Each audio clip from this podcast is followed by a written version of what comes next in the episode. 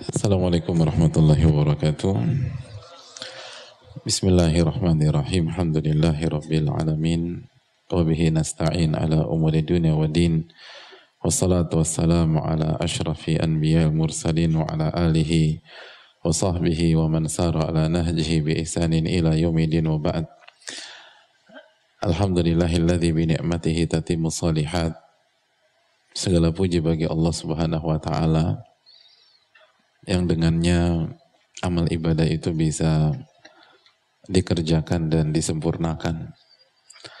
Kita datang ke sini itu kekuatan dan taufik dari Allah Subhanahu wa taala.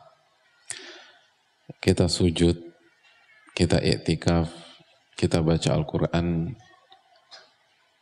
itu bukan karena kekuatan kita, bukan karena kecerdasan kita, bukan karena pengalaman kita. Betapa banyak orang yang pengalaman etikaf, tahun ini nggak etikaf. Betapa banyak orang yang lebih cerdas dari kita, tapi nggak mengambil pelajaran dari Ramadan. Betapa banyak orang yang fisiknya lebih bagus, tapi nggak puasa. Ini bukan tentang fisik. Ini bukan tentang kecerdasan, bukan tentang pengalaman. Ini lebih ke dan pastinya ini faktor pertama, ini tentang taufik dan hidayah dari Allah Subhanahu wa taala.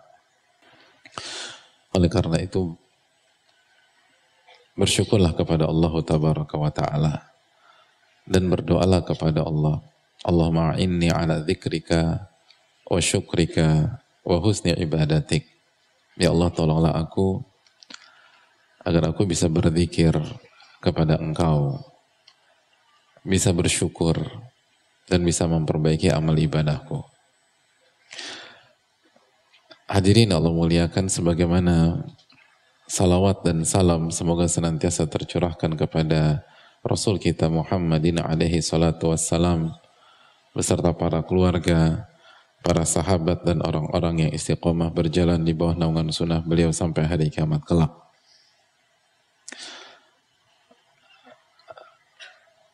Menjelang berakhirnya Ramadan hadirin.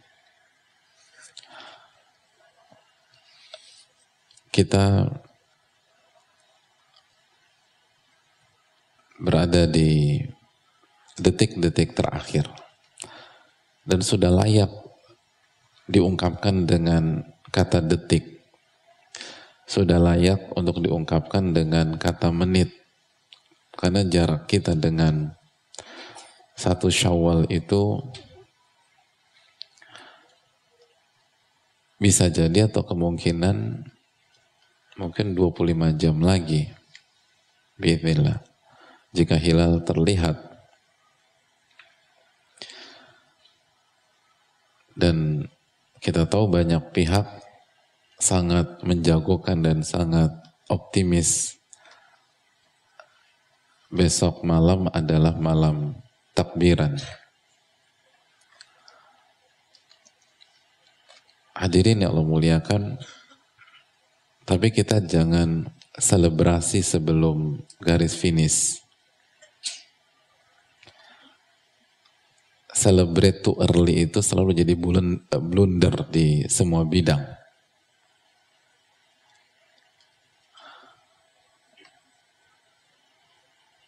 Walaupun kita nggak punya banyak waktu, tapi kita masih punya malam ini, besok, sampai maghrib jika maghribnya satu syawal.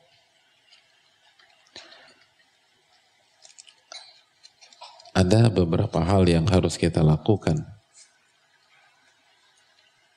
Yang pertama sekali lagi jangan selebrasi sebelum selesai. Jangan berpikir ini sudah lebaran, semua masih bisa terjadi. Nyampe di lebaran aja pun belum tentu.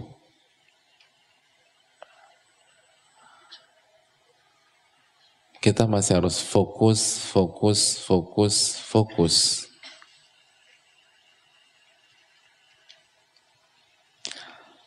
Ini waktu yang sangat krusial.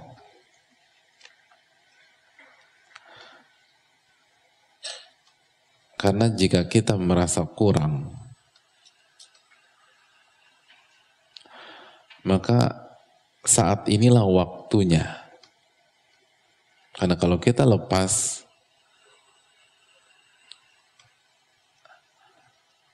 kemungkinan kita nggak punya kesempatan lagi. Oleh karena itu,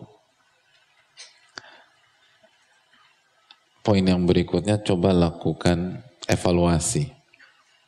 Selama 28 malam, apa yang sudah kita lakukan?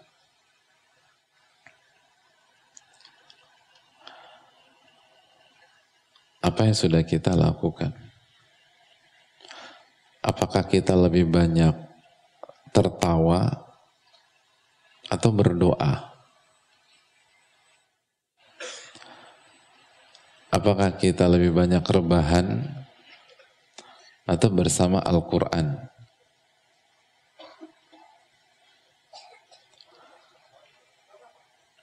Coba evaluasi 28 malam dan 28 hari ini.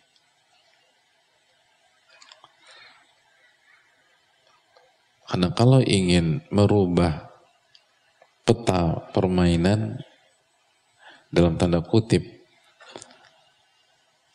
dan ini membalikkan keadaan, sekaranglah waktunya. Karena bisa jadi malam ini adalah malam terakhir di Ramadan 1443 Hijriah.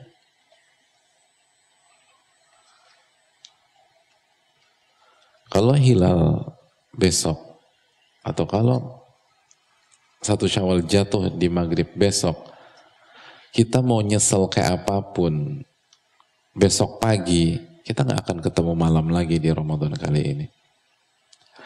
Kita mau nangis di duha besok, kita nggak akan bertemu dengan terawih Ramadan 1443 sampai hari kiamat nanti.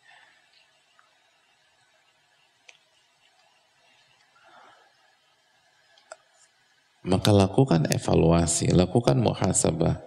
Yang masih bisa kita lakukan di waktu malam, lakukan di malam ini hadirin.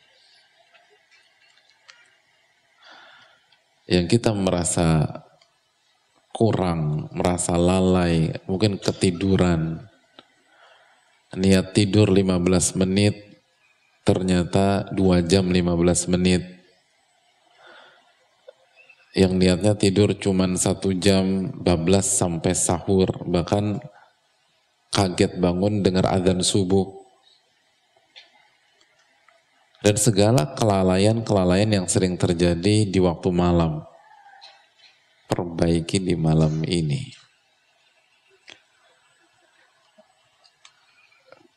Karena peluang besar ini malam terakhir kita di Ramadan tahun ini.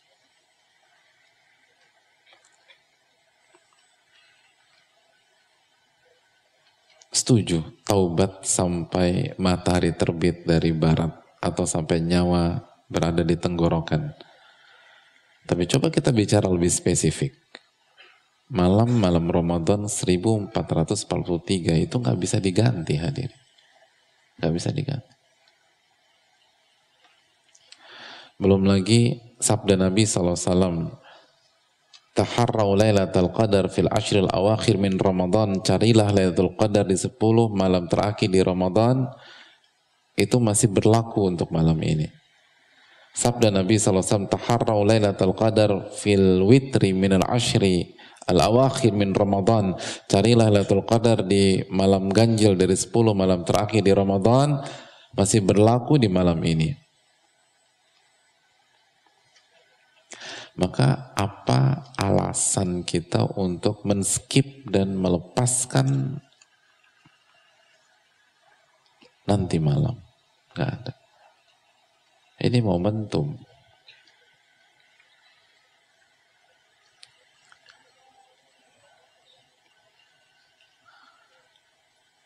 Dan siapa yang enggak lalai? Kita bukan sekali berkotada hadirin yang di 10 malam terakhir setiap malam satu kali khatam, sekali khatam, sekali khatam, sekali khatam rahimahullah. Level kita bukan Imam Syafi'i rahimahullah. Level kita bukan Uthman bin Affan. Yang sekali sholat Qiyamul satu kali khatam Uthman bin Affan. Dan dengan tadabbur, dengan khusyuk. Bukan hanya sekedar khatam. Imam Syafi'i pun demikian. Kita adalah hamba pendosa, awam, ilmu kita cetek, ibadah kita pas-pasan.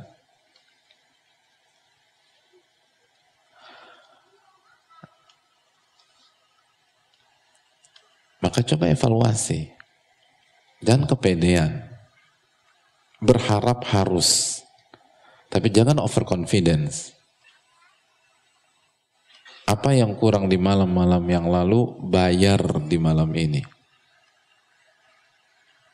Bayar di malam ini.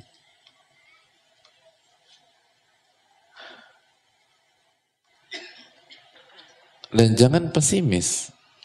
Kayaknya udah terlambat deh Pak Ustadz. Enggak. Kayaknya aku udah gagal Ustadz.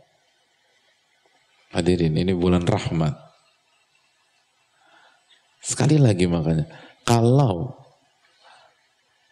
sekali sosok yang bernama Uthman bin Affan dihadapkan dengan satu malam saja di Ramadan, apa yang bisa beliau lakukan?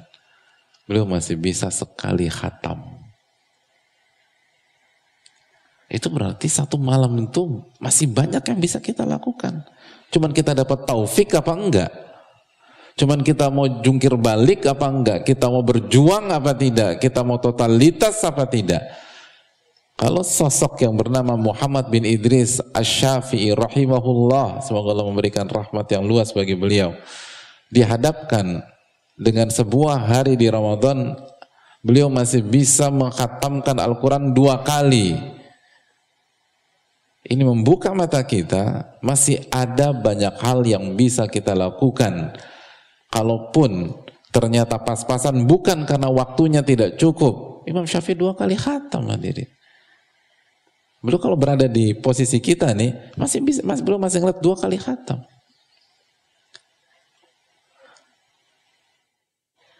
Ini masalah taufik, masalah tawakal kepada Allah, masalah isti'anah, minta pertolongan kepada Allah, masalah berjuang dengan kesungguhan walladzina jahadu fina lanahdiyannahum subulana. Barang siapa yang bersungguh-sungguh berada di jalan kami niscaya kami akan berikan hidayah petunjuk pada jalan-jalan tersebut. Surat al-ankabut ayat terakhir. Seringkali kita gagal fokus nggak waktunya nggak udah nggak cukup. Masih kali dua kali khatam. Sekali khatam. Lalu kenapa kita nggak beranjak-anjak terus dari jus tiga misalnya. Kalau masalahnya di waktu harusnya dialami semua orang. Ini enggak. Yang lain maju, kita nggak doang yang nggak beranjak.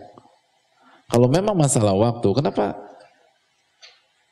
Uthman bisa sekali khatam radhiyallahu taalaan, kita nggak beranjak dari jus tujuh misalnya, dari awal Ramadan. Ini bukan masalah waktu, ini masalah taufik. Ini masalah kesungguhan. Ini masalah berapa yang berani kita perjuangkan dan korbankan demi sebuah malam di Ramadan dan bisa jadi itu malam terakhir. Dan kita nggak pernah tahu kapan malam Lailatul Qadar itu jatuh.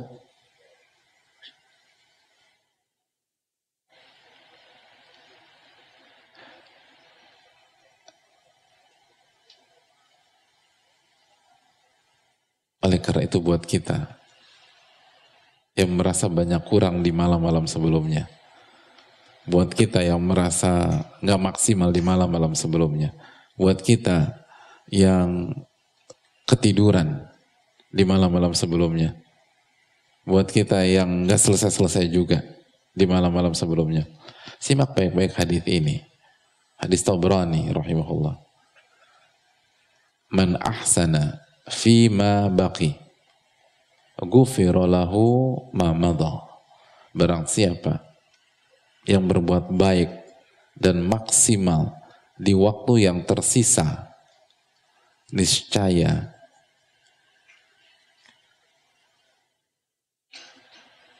yang lalu-lalu akan diampuni oleh Allah. Dan barang siapa yang melalaikan waktu yang tersisa, maka dia akan dihukum karena kelalaiannya di masa lalu dan di waktu yang tersisa tersebut.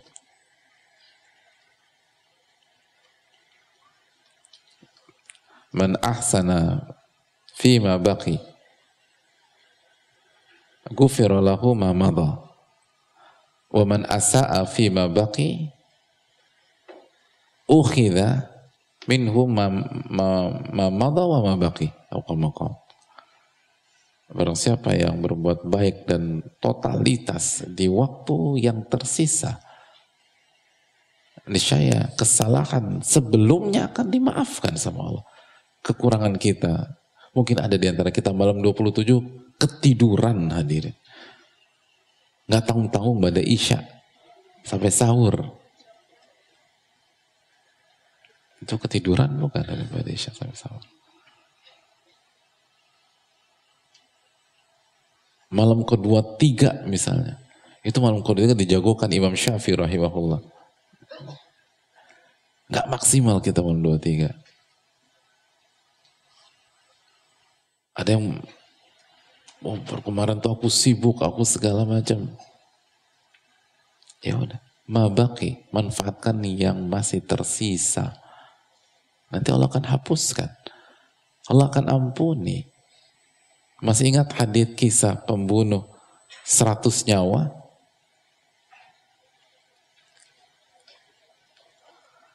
Lihat bagaimana Allah ampuni seluruh masa lalu dia yang kelam membunuh seratus nyawa. Karena beliau bisa memanfaatkan sedikit waktu yang tersisa dalam hidup beliau. Bahkan saking sedikitnya waktu tersebut, beliau wafat sebelum beliau sampai ke negeri yang beliau tuju. Wafat kan. Artinya ada yang mau bawa beliau ke surga, ada yang mau bawa ke neraka. itu kurang mepet apa? Dan misi nggak terpenuhi, misinya sampai negeri nggak dapat misinya. Ingat misi nggak dapat. Misinya apa? Anda tahu kan hadirnya kita bahas di Riyadus Solihin. Misinya kan sampai negeri tersebut. Sampai apa enggak? Enggak. Tapi ketika beliau memaksimalkan yang tersisa surga hadirin. Mungkin di antara kita target-target tercapai nggak jujur? Hah? Target tercapai?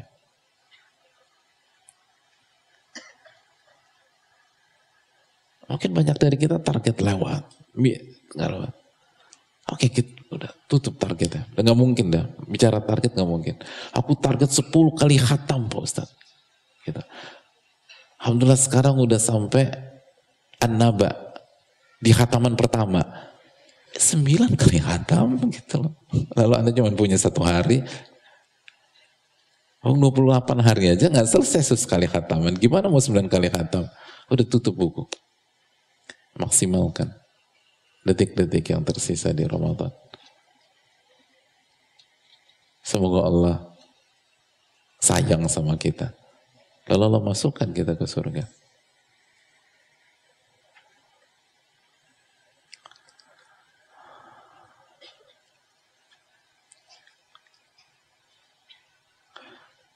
Poin yang berikutnya hadirin. Di saat-saat perpisahan ini. Tentang Lailatul Qadar. Lailatul Qadar kita nggak tahu pastinya. Ulama khilaf, ulama aja pembicaranya panjang sekali. Tapi paling enggak, di hadapan kita ada dua opsi. Opsi yang pertama, malam itu sudah berlalu Mungkin malam 21 atau malam yang lain, malam 27 kemarin misalnya. Atau opsinya belum turun. Iya nggak sih? Ada opsi ketiga nggak? Hanya dua opsi.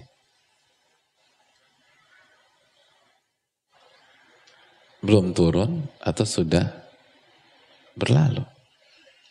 Atau sudah berlalu atau belum turun.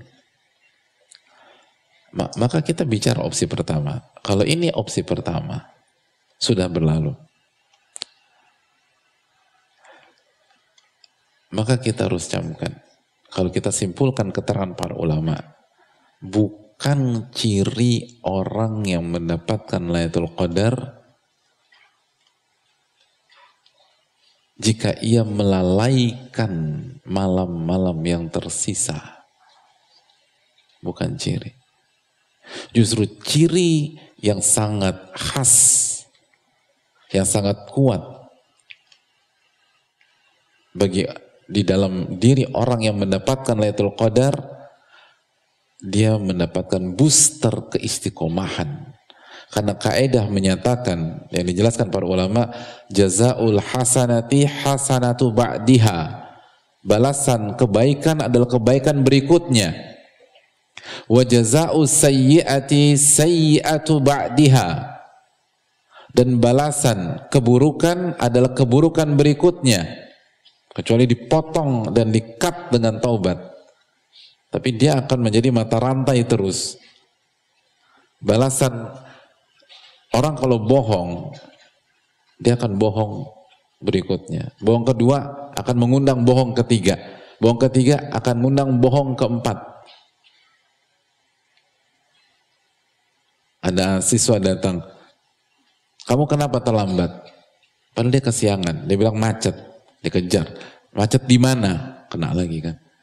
Bohong tuh nggak satu, masuk bohong kedua. Uh, macet di jalan A, bu, ah yang bener, iya macet. Tadi aku, ibu lewat sana juga lancar. Ibu datang jam berapa? Eh berang, lewat sana jam berapa? Jam 6 jam 6.05 ada kecelakaan bu. Orang ketiga udah. Mana ada kecelakaan? Aku sampai sana masuk jalan situ 6.15 udah ngantri bu. Gitu. Bohong, dosa itu ngundang berikutnya hadirin. Kelalaian itu ngundang berikutnya. Jadi kalau kita dapat Lailatul Qadar dan Lailatul Qadar sudah berlalu, itu saat ini tuh kita semangat hadirin. Gak ada kepikiran untuk melepas malam ini. Gak ada kepikiran melalaikan waktu-waktu yang tersisa. Gak ada kepikiran ngelepas hari esok. Enggak. Makanya lihat Nabi kita SAW full 10 hari. Full 10 hari. Gak ada beliau pulang malam ke-27 kan. Pernah beliau pulang tapi bukan karena enggak aku kenapa wahai Rasul beres-beres? Udah dapat tadi malam udah dapat kan enggak. Dalam hadis Bukhari beliau pernah beliau pulang karena faktor keluar. Itu kalau malam Lailatul Qadar sudah berlalu. Malasnya kita di malam ini semakin mempertegas kemungkinan kita nggak dapat. Adapun kalau Lailatul Qadar belum turun, maka opsi satu-satunya opsi kemungkinan malam ini. Lalu apa alasan kita nggak maksimal? Kalau itu qadar nggak turun, udah opsi apa? Opsi bukan terbesar, satu-satunya opsi malam ini. Jika maghrib besok takbiran kita, satu-satunya opsi hanya malam ini. Lalu kita santai, kita buang-buang waktu, kita ngobrol, Sedangkan nama-nama besar yang dijamin masuk surga satu malam sekali khatam. Seperti diriwayatkan dari Uthman. Lalu Nabi SAW kiamulail sampai kaki beliau bengkak. Hadirin Allah muliakan.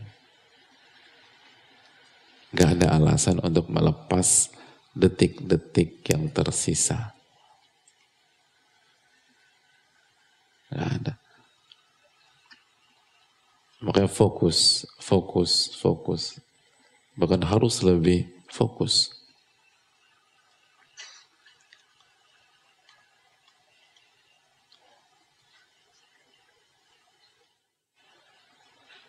Setiap perhelatan itu semakin mendekati garis finish semakin seru hadirin. Semakin seru. Semakin panas dalam tanda kutip. Semakin melibatkan emosi, semakin bermain rasa.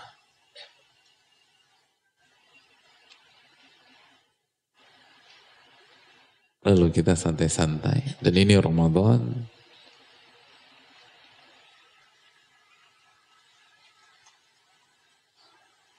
Dan kita dengar sabda Nabi SAW, celaka orang yang masuk di Ramadan Lalu begitu Ramadan terakhir dan dia belum diampuni oleh Allah Subhanahu wa taala. Dan waktu kita dengan berakhirnya hanya tinggal beberapa jam. Hadirin, fokus. Fokus, fokus. Minta pertolongan sama Allah. Sapu bersih.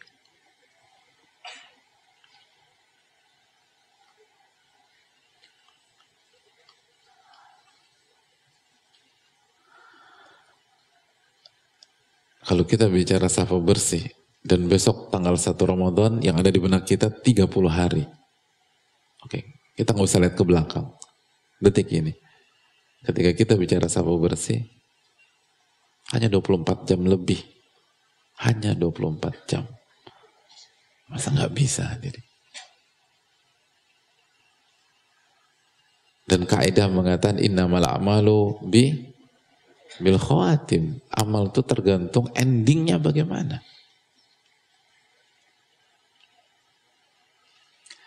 Kata para ulama al-ibrah laisat bin naqsil bidayat wa innamal ibrah bitamamin nihayat. Parameternya bukan di start yang kurang baik. Tapi parameternya adalah di finish yang sempurna.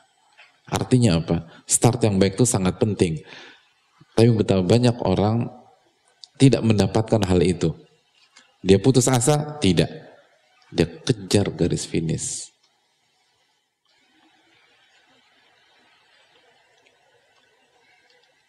Ini penting hadirin sekalian.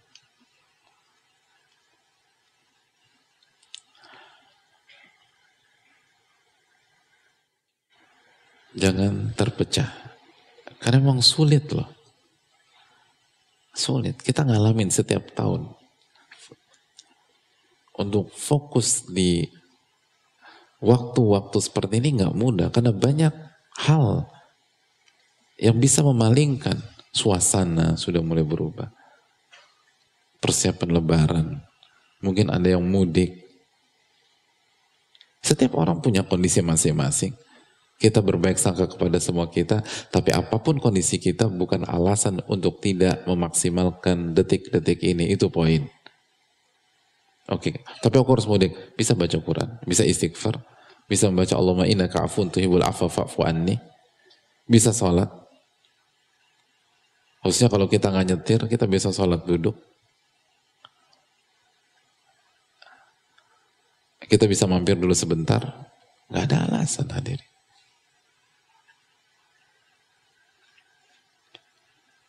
Tapi memang dalam dunia pecundang selalu ada seribu satu alasan buat orang gagal.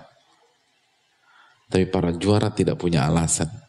Para juara tuh kesulitan cari satu saja alasan. Gak ada. Kecuali dia akan salahkan dosa-dosanya dan dia istighfar, dia tobat, dia bangkit lagi. Kalau mau bangkit sekarang hadirin. Ramadan. 1443 hanya tinggal dalam hitungan jam.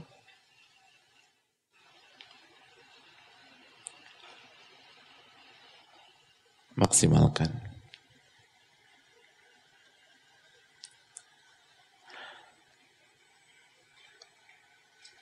Poin yang berikutnya jamaah sekalian Allah muliakan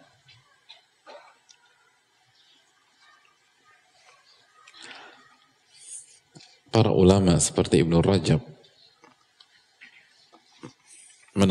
menekankan sebuah hal di penghujung Ramadan seperti ini. Kata beliau, karena salafus salihun dulu orang-orang soleh dan ulama-ulama klasik kita, para sahabat, para tabi'in, para tabi'ut tabi'in, yajtahiduna fi itmamil amali wa ikmalihi wa itqanihi. Mereka bersungguh-sungguh untuk menyempurnakan amal ibadah, totalitas, sapu bersih. Thumma yahtammuna ba'da dhalika biqabulihi wa yakhafuna min raddihi wa ha'ula'i alladhin yu'tuna ma ataw wa qulubuhum wajilah. Lalu setelah mereka habis-habisan, setelah itu mereka fokus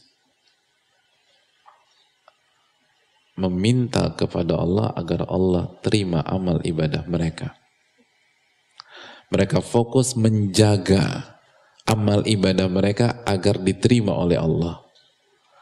Mereka fokus menjaga amal mereka dari virus-virus ria, sum'ah, atau ketidakikhlasan lainnya yang bisa menghancurkan amal ibadah tersebut. Mereka pastikan amal ibadah mereka sesuai dengan ilmu,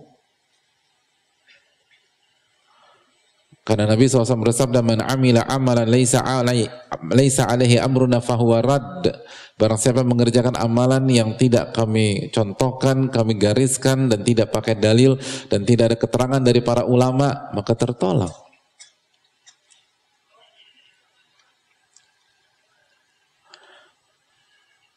Mereka fokus. Makanya Al-Imam Rajab ketika menjelaskan tentang perpisahan dengan Ramadan, ini poin yang beliau tekankan hadirin. Dan inilah firman Allah dalam surat Al-Mu'minun ayat 60. Walladhi uh, yu'tuna ma'ata wa qulubuhum wajilah. Yu'tuna ma'ata wa qulubuhum wajilah. Mereka melakukan sesuatu Dan setelah itu mereka punya ketakutan dalam diri mereka, dalam hati mereka. Aisyah radhiyallahu taala ketika membaca ayat ini beliau bertanya kepada Nabi SAW, Ya Rasulullah, ya Rasulullah, apakah yang dimaksud surat Al-Mu'minun ayat 60 ini adalah orang-orang yang bermaksiat, orang-orang yang berzina, yang mencuri, lalu ketika mereka bermaksiat mereka ketakutan, mereka khawatir, Kata Nabi SAW, La ya bintas siddiq, bukan mereka wahai anak anak perempuannya Abu Bakar As-Siddiq. Bukan. Humul ladhina yusallun wa yasumun wa yatasaddaqun wa yakhafuna alla yutaqabbala minhum. Namun yang dimaksudkan oleh Allah Subhanahu wa taala dalam ayat ini ketika Allah menjelaskan bahwa ada orang-orang yang setelah melakukan sesuatu hatinya takut mereka adalah orang-orang yang sholat, orang-orang yang puasa, puasa di Ramadan ini dan di luar Ramadan. Dan orang-orang yang bersedekah, berinfak dan memberi. Dan setelah mereka lakukan itu, mereka takut Allah tidak terima amal ibadah mereka. Allah tidak terima amal ibadah mereka. Makanya orang-orang jenius, orang-orang soleh, seperti Ali bin Abi Thalib radhiyallahu taala memberikan nasihat besarnya kepada kita. Kunu liqabulil amali asyaddah timaman minkum bil amal. Hendaklah fokus kalian agar amal ibadah kalian diterima oleh Allah itu lebih besar lebih serius dibanding fokus kalian mengerjakan amal itu sendiri hendaknya fokus kalian. Bagaimana amal ibadah kalian diterima oleh Allah itu fokusnya harus lebih besar lebih serius dibanding fokus dalam mengerjakan amal ibadah itu sendiri.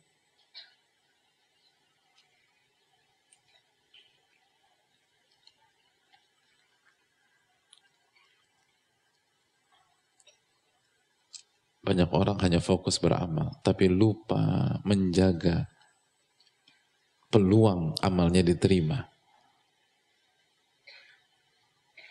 Padahal yang paling penting adalah amal diterima. Makanya Abu Darda diriwayatkan beliau menyampaikan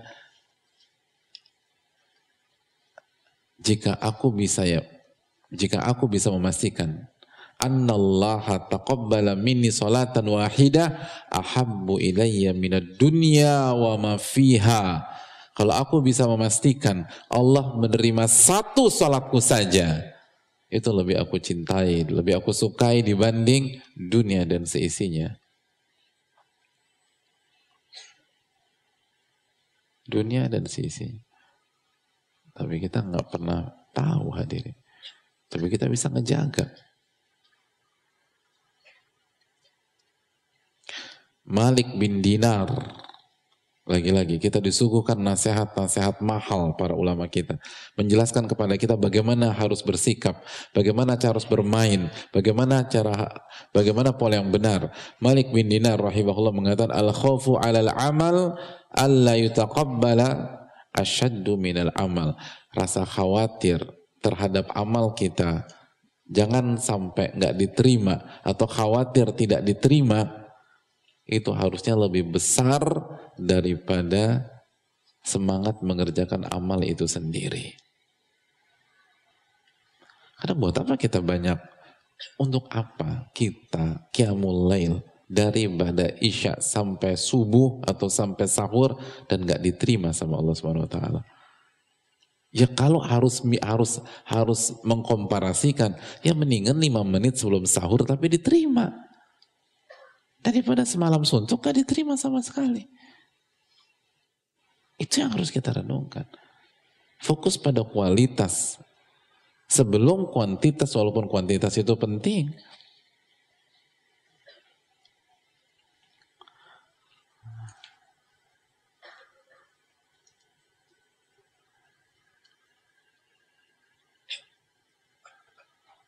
Oleh karena itu hadirin yang muliakan. Makanya sebagian para ulama klasik dulu di hari Idul Fitri di tengah-tengah kebahagiaan mereka ada sisi kesedihan yang terpancar hadirin.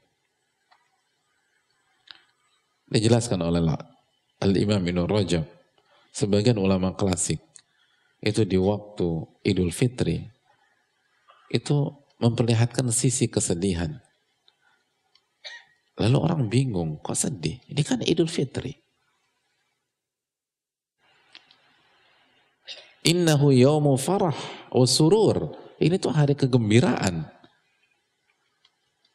Lalu mereka tidak membantah. Saya setuju. Yang engkau katakan benar. Namanya Idul Fitri itu senang. Bahagia. Lalu apa kata beliau? Walakinni abdun tapi aku hanyalah seorang hamba. Amaroni maulai. Robku memberikan perintah misi kepadaku di Ramadan. An a'mala lahu amalan untuk mengerjakan berbagai macam amal dan ibadah. Misinya mengerjakan rangkaian ibadah selama Ramadan. Salat wajib, puasa Ramadan, sholat-sholat sunnah, tarawih, berinfak, bersedekah, beristighfar. Fala adri ayuk ayak bal fala adri ayak baluhu minni amla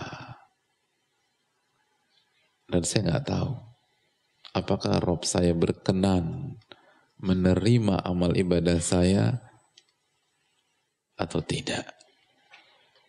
Saya nggak tahu. Itu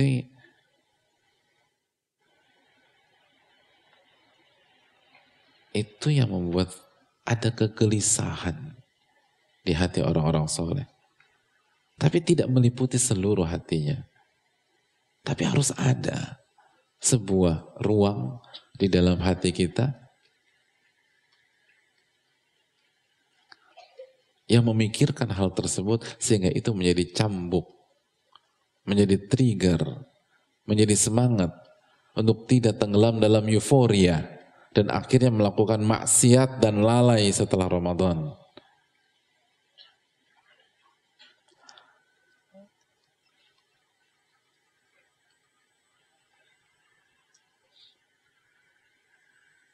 Makanya Ibnul Wird pernah mengatakan salah satu tabi'in besar salah satu seniornya tabi'in beliau melihat ada sebagian orang yadhakuna fi yaumi id beliau melihat sebagian orang yang tertawa lepas dan berlebihan di saat hari raya Idul Fitri. Tertawa bahagia di id nggak ada masalah. Bahkan disunahkan untuk mengekspresikan kegembiraan. Bermain dan lain sebagainya ya hari id tapi mereka itu dilihat oleh Ibnul Wird itu berlebihan. Dan semua yang berlebihan itu tidak baik. Apa kata Ibnul Wird in kana haula tuqbila minhum siyamuhum Fama hadha fi'lu syakirin. Kalau mereka termasuk orang-orang yang puasanya, ibadahnya diterima sama Allah, maka sikap seperti ini bukan profil orang-orang yang bersyukur kepada Allah. Ini bukan profil orang bersyukur. Karena berlebihan dalam ketawa, berlebihan dalam gembira, berlebihan dalam bersenang-senang.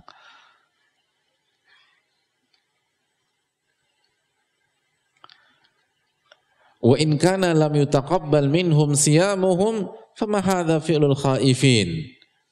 Dan kalau amal ibadah mereka tidak diterima, oh ini bukan profil orang-orang yang takut ya di hari kiamat nanti. Kan gak keterima, kok bisa ketawa? Ibadah Anda kan gak diterima. Dari mana Anda bisa ketawa?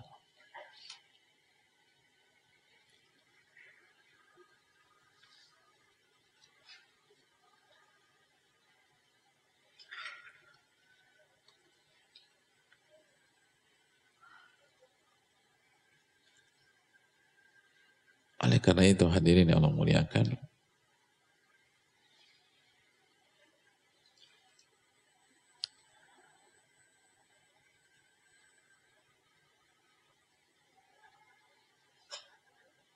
Makanya diriwayatkan, diriwayatkan Ali bin Abi Thalib di hari terakhir, eh, di malam terakhir Ramadan jadi kalau besok takbiran berarti malam ini seperti malam ini beliau akan bicara. Annahu kana yunadi fi akhir lailatin min fi syah, min syahri Ramadan. Beliau berkumandang di malam terakhir dalam bulan Ramadan, masih Ramadan, di malam terakhir. Ya laita syi'ri man hadzal maqbul fanuhannih wa man hadzal mahrum fanu'azzih.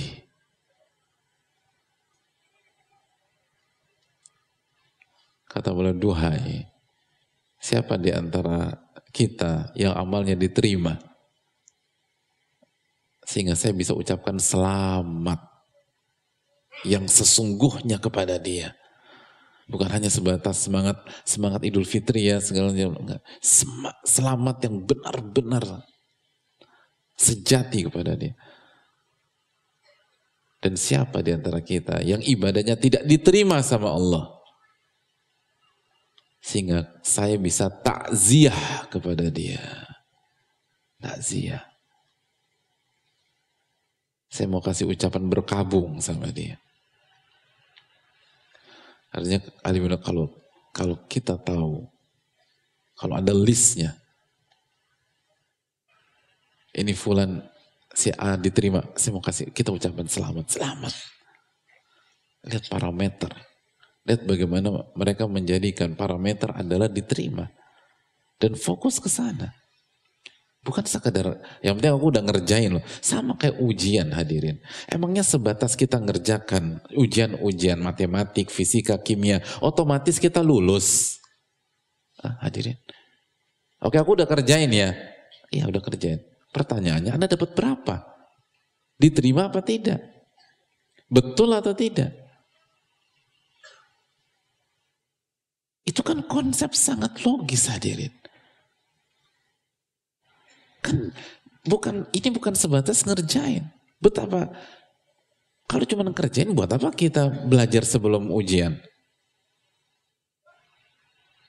Kalau cuma kerjain soal 100 kerjain aja semua. Dan betapa banyak orang kerjaan semua dapat nilai nol. Dapat nilai dua, itu pun untung-untungan.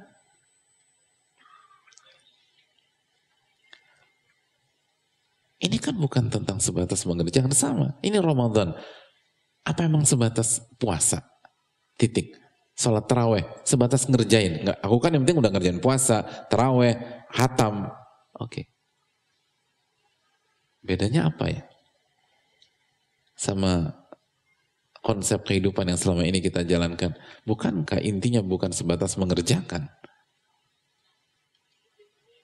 Bukankah intinya diterima apa tidak?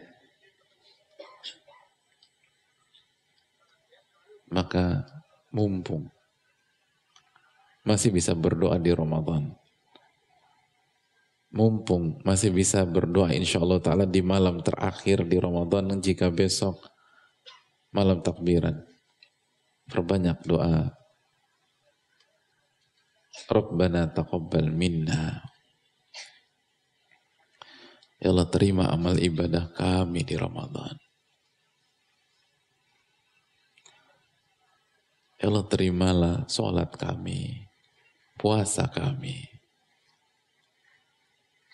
kiamul lail kami, infak sedekah kami, dan seluruh yang kami perjuangkan di Ramadan, minta sama Allah. Ini hal yang ditekankan nama-nama besar di malam terakhir dari bulan Ramadan. Di malam di malam terakhir di bulan Ramadan.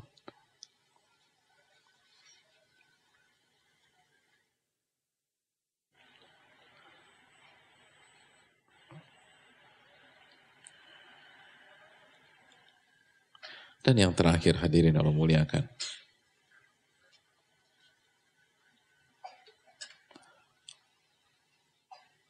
Perbanyak istighfar.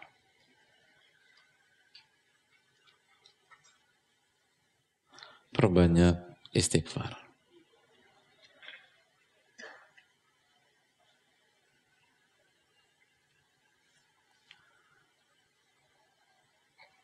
Perbanyak istighfar di malam ini. Perbanyak baca doa Allahumma innaka afuun tuhibul afa fa'fu anni. Perbanyak istighfar besok insya Allah. Besok siang. Besok sore. Perbanyak istighfar hadirin. Bukankah Nabi SAW pernah mengatakan amin, amin, amin.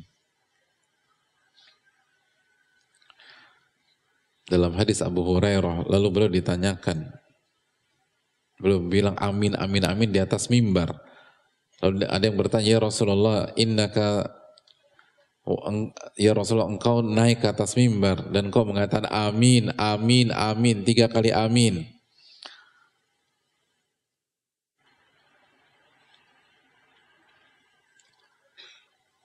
Kenapa ya Rasul?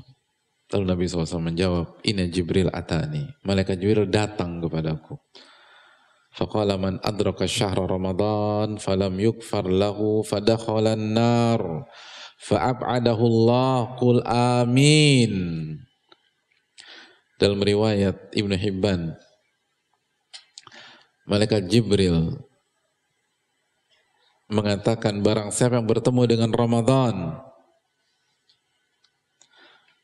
dan dia belum diampuni, dosa-dosanya belum diampuni, maka dia masuk neraka.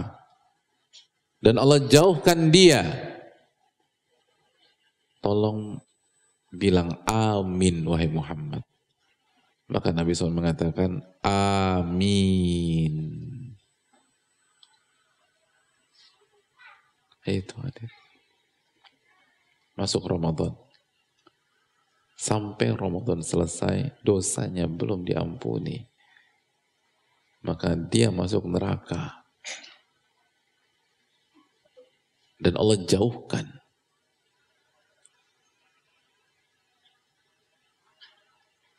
Tolong respon. Bilang amin. Amin. Apa arti amin? Kabulkanlah. Amin itu artinya kabulkanlah. Siapa yang mendoakan? Malaikat Jibril yang bilang. Siapa yang mengamini? Rasulullah SAW. Dua sosok terbesar. Yang satu malaikat terbaik, satu manusia terbaik. Sallallahu alaihi wasallam. Amin.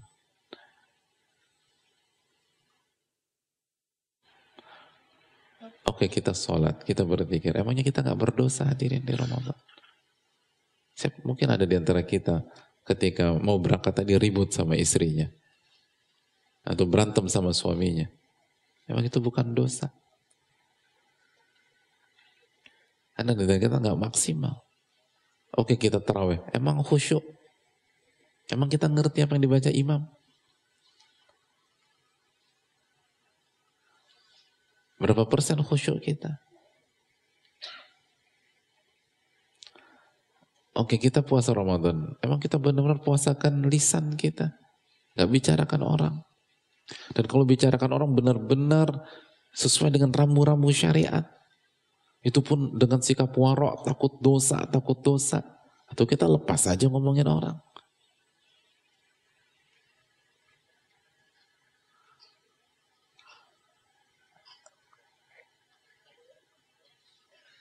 Hadirin, masalah belum diampuni di Ramadan ini masalah besar. Beda dengan bulan-bulan lain. Bulan-bulan lain nggak ada amin kayak begini.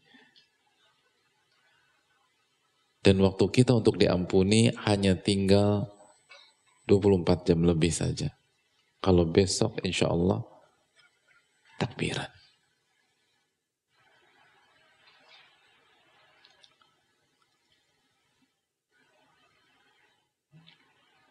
kita yang lalai, kita mungkin bolong-bolong ibadah, kita mungkin punya masalah sama keluarga, mungkin di Ramadan ini kita bentak orang tua kita.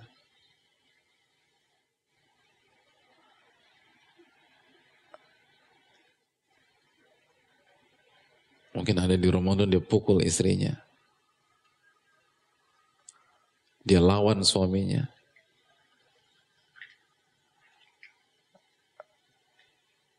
Hadirin. Masuk Ramadan. Lalu begitu Ramadan berakhir, dia belum diampuni. Maka dia masuk neraka. Dan dijauhkan. Amin. Amin.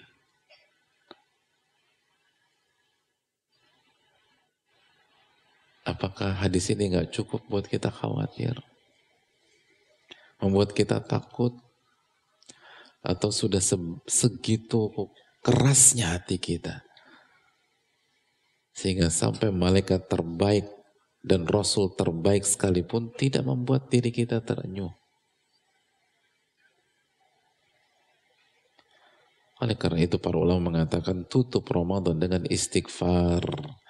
Tutup malam terakhir dengan istighfar. Minta sama Allah, Allahumma innaka afun tuhibbul afwa fa'fu anni. Dan hayati hadirin. Hayati.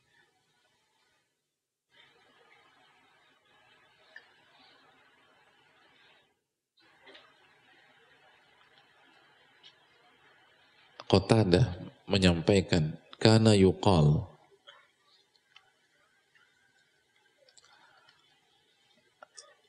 Ada sebuah kalimat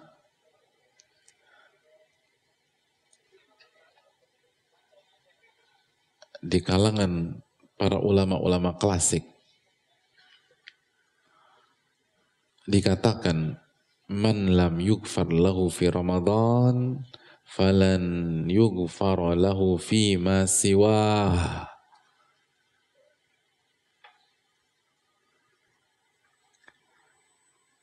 Barang siapa yang belum diampuni di Ramadan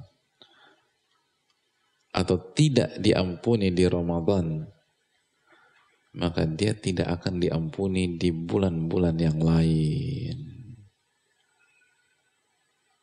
Barang siapa yang tidak diampuni di Ramadan, maka dia tidak akan diampuni di bulan-bulan yang lain.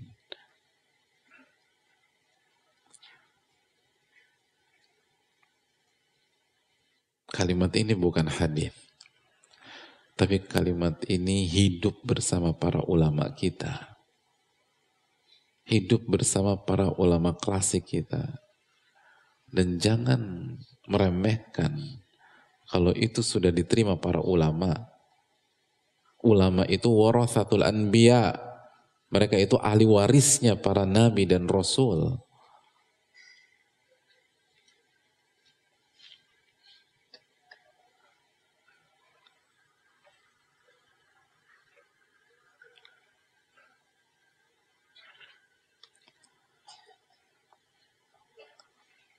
Makanya Ibnu Rajab mengatakan mata yugfaru liman la yugfaru lahu fi hadha syahr.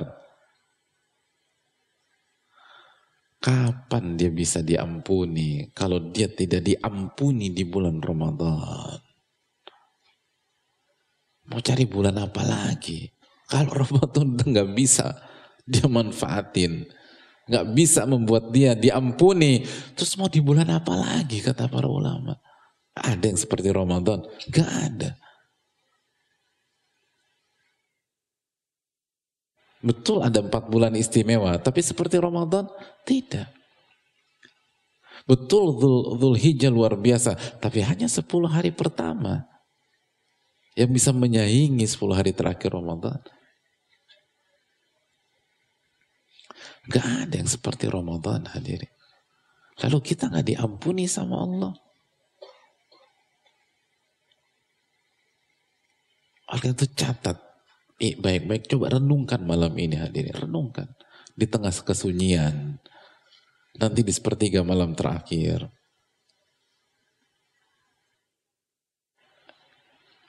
Barang siapa yang tidak diampuni di Ramadan, maka dia tidak akan diampuni di bulan-bulan dan waktu-waktu yang lain. Peluangnya tipis hadirin.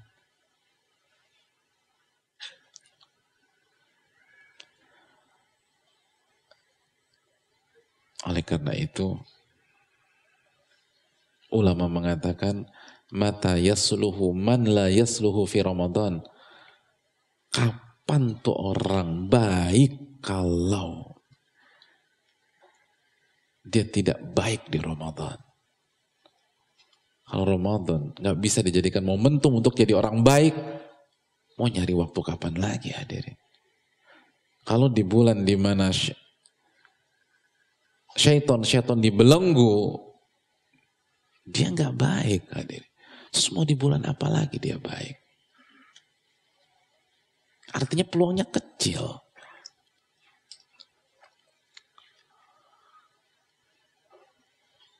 Dan Ramadan hanya tinggal beberapa saat saja. Ini yang perlu kita renungkan. Maka perbanyak istighfar. Perbanyak istighfar. Perbanyak istighfar.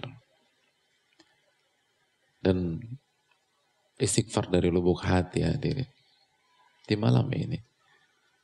Adalah sesi kita sendiri saja. Dan fokus gitu Walaupun mungkin kita itikaf dan masjid penuh atau masjid rame, adalah cari spot sedikit. Antara kita dengan Rob kita. Lalu lisan mulai dibasahi dengan ucapan Allahumma innaka afuun tuhibul afa anni.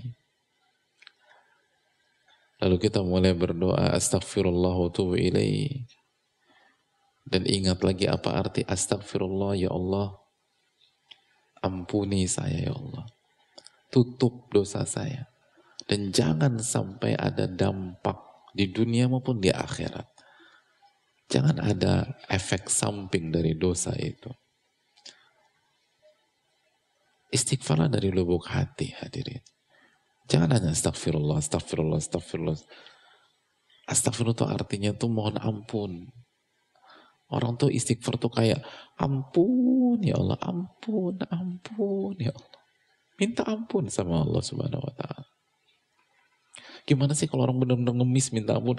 Ampun ya Allah, ampun ya Allah.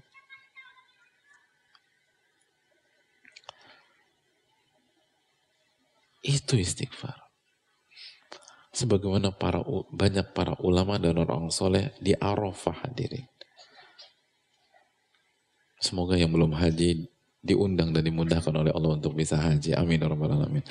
Itu banyak banyak orang-orang soleh tuh hadirin dari zuhur sampai menjelang maghrib. Kalimat yang keluar dari lisannya hanya ampun ya Allah, ampun ya Allah. Gak ada kata lain yang keluar. Beneran. Gak ada kalimat yang lain yang keluar. Hanya air mata dan minta ampun. Minta ampun sama Allah. Nangis kayak anak kecil hadirin. Kayak anak kecil. Dan itu dari dulu sampai hari ini. Dari dulu ulama kita bilang seperti itu. Nangis minta ampun sama Allah. Ingat dosa hadirin. Kata Ali bin Abi Thalib, "Fala takhafanna illa dzanbak." Tidak ada yang perlu Anda khawatirkan kecuali dosa-dosa Anda. Kita selama ini khawatir nggak dapat uang dari A, nggak dapat I dari B. Tapi kita nggak pernah khawatir dari dosa-dosa kita. Bukan kalau berfirman wa ma'asabakum min musibatin fa bima kasabat wa ya'fu an katsir. Apa pun yang menimpa Anda, itu pasti ada andil dari dosa-dosa Anda.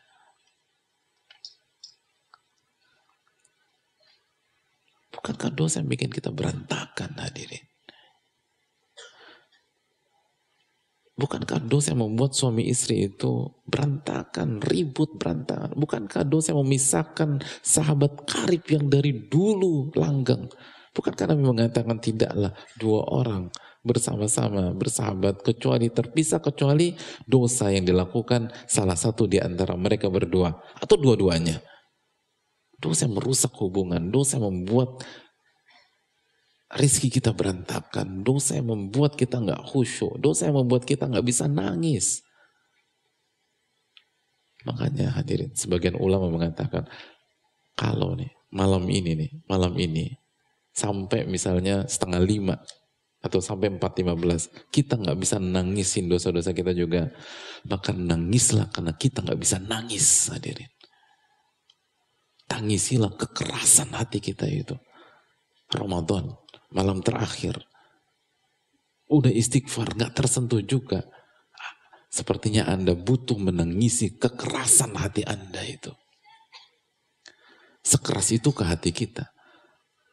Sampai malam-malam ini gak bisa melembutkan. Ini bisa malam terakhir hadirin.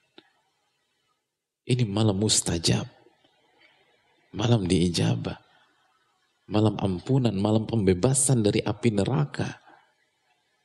Nggak bisa membuat hati kita tersentuh.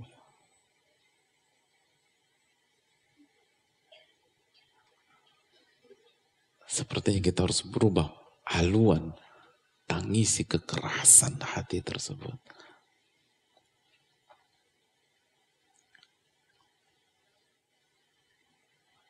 Karena orang-orang soleh itu di waktu malam itu mudah dalam menangis hadirin.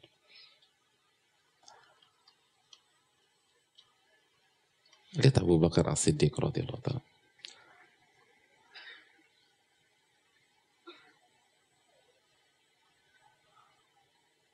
Lihat orang-orang besar. Lihat Umar bin Abdul Aziz. Khalifah punya kekayaan. Apa kata istrinya? Kata istrinya Umar bin Abdul Aziz, suamiku memang bukan orang yang paling banyak sholat dan puasa. Tapi saya bisa ambil kesimpulan, suamiku adalah orang yang paling takut sama Allah. Takut dong. Oleh karena itu hadirin sekalian, maksimalkan malam ini, besok pagi, besok siang, besok sore, isi dengan istighfar. Minta ampun sama Allah. Minta ampun. Kita yang maksiat, kita yang durhaka sama orang tua, kita yang gak memanfaatkan Ramadan, kita yang gak khatam-khatam, kita yang gak khusyuk ketika terawih, kita yang ngantuk ketika qiyamul kita yang gak mempuasakan lisan kita, mata kita, pendengaran kita ketika Ramadan, kita yang ribut sama orang ketika Ramadan, nggak nan emosi ketika Ramadan, bahkan ribut sama suami atau sama istri di Ramadan. Kita mungkin pernah menghardik anak kita di Ramadan, kepancing dengan mereka di Ramadan. Kita yang makan uang haram di Ramadan. Uang haram dimakan di Ramadan. Lalu kita tenang-tenang saja dan kita berpikir lebaran untuk kita,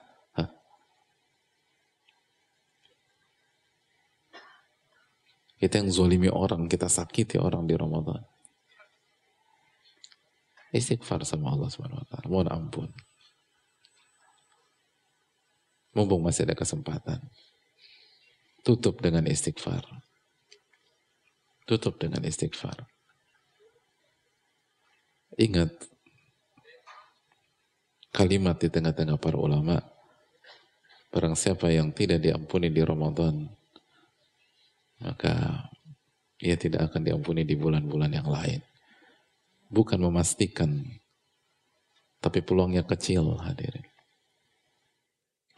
Orang yang tidak terenyuh di Ramadan sulit dia terenyuh di bulan-bulan lain.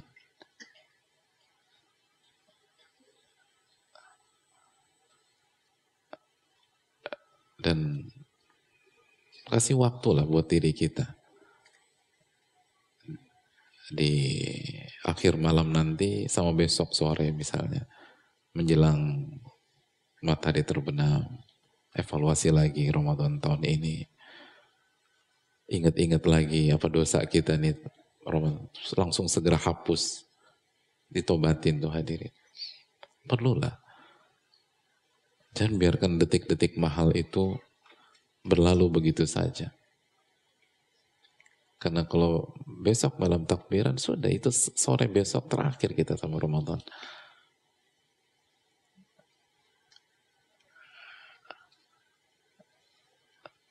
Kalau kita punya orang tua hadirin dan beliau akan meninggal dunia dan belum masih sadar, belum masih sadar, masih bisa kita ajak komunikasi. Tapi dokter sudah bicara sama kita tolong panggil anak-anaknya. Kemungkinan nggak akan bertahan sampai maghrib, maksimal maghrib. Tolong panggil. Dan kita dapat kabar malam ini misalnya. Dan kita ada di luar negeri, kira-kira kita cari tiket nggak? Langsung siapa yang bisa flat lah. Atau kita ada di daerah, kita akan cari tiket tidak? Kita akan bayar. Kalau kita punya duit mungkin kita sewa private jet hadirin. Kalau kita punya uang, kita akan sewa private jet. Kita pulang. Lalu kita akan habiskan menit-menit terakhir dengan ibu kita tersebut. Kita akan bayar ratusan juta untuk dapat momen tersebut. Asar kita udah standby di rumah sakit, kita airport nggak pulang dulu, langsung ke rumah sakit airport. Langsung masuk. Lalu kita bicara, kita minta maaf, kita minta dihalalkan. Kita bukan anak, kita ngaku kita bukan anak yang berbakti, kita penuh dengan dosa, kita minta doa. Dan detik demi detik dilewati kondisi ibu kita melemah, melemah, melemah, melemah, melemah. Dan begitu matahari terbenam itu, beliau sudah tidak ada. Hadirin. Kan itu yang akan dilakukan para pencinta ketika harus berpisah dengan yang ia cintai. Secinta apa kita dengan Ramadan? Secinta apa kita dengan Ramadan? Seyakin apa kita dengan sabda-sabda Nabi SAW dengan tentang Ramadan? Masa kita lepaskan detik-detik terakhir begitu saja hadirin. Masa kita lewatkan malam-malam, mal, bukan malam, malam ini begitu saja. Khususnya sepertiga malam terakhir nanti. Khususnya ketika menjelang sahur, menjelang subuh, masa nggak mau ya duduk gitu loh. Melihat, merenung. Itu kan luar biasa. Istighfar sama Allah. Karena walaupun masih ada waktu subuh, malam itu udah selesai. Dan bagi orang-orang soleh kan nggak ada yang lebih nikmat daripada ibadah malam hadirin. Ibadah malam. Banyak banget ulama kita tuh mena bukan menangisi harta atau dunia, mereka menangisi ibadah malam. Dan maksimalkanlah esok hari. Kalau besok malam takbiran. Ini bisa disampaikan. Semoga ampuni dosa-dosa kita. Dan semoga kita termasuk yang diampuni oleh Allah subhanahu wa ta'ala. Dan semoga Allah subhanahu wa ta'ala menerima amal ibadah kita. Dan memasukkan kita dalam surganya. Dan semoga Allah subhanahu wa ta'ala membebaskan diri kita dari api neraka. Wassalamualaikum warahmatullahi wabarakatuh.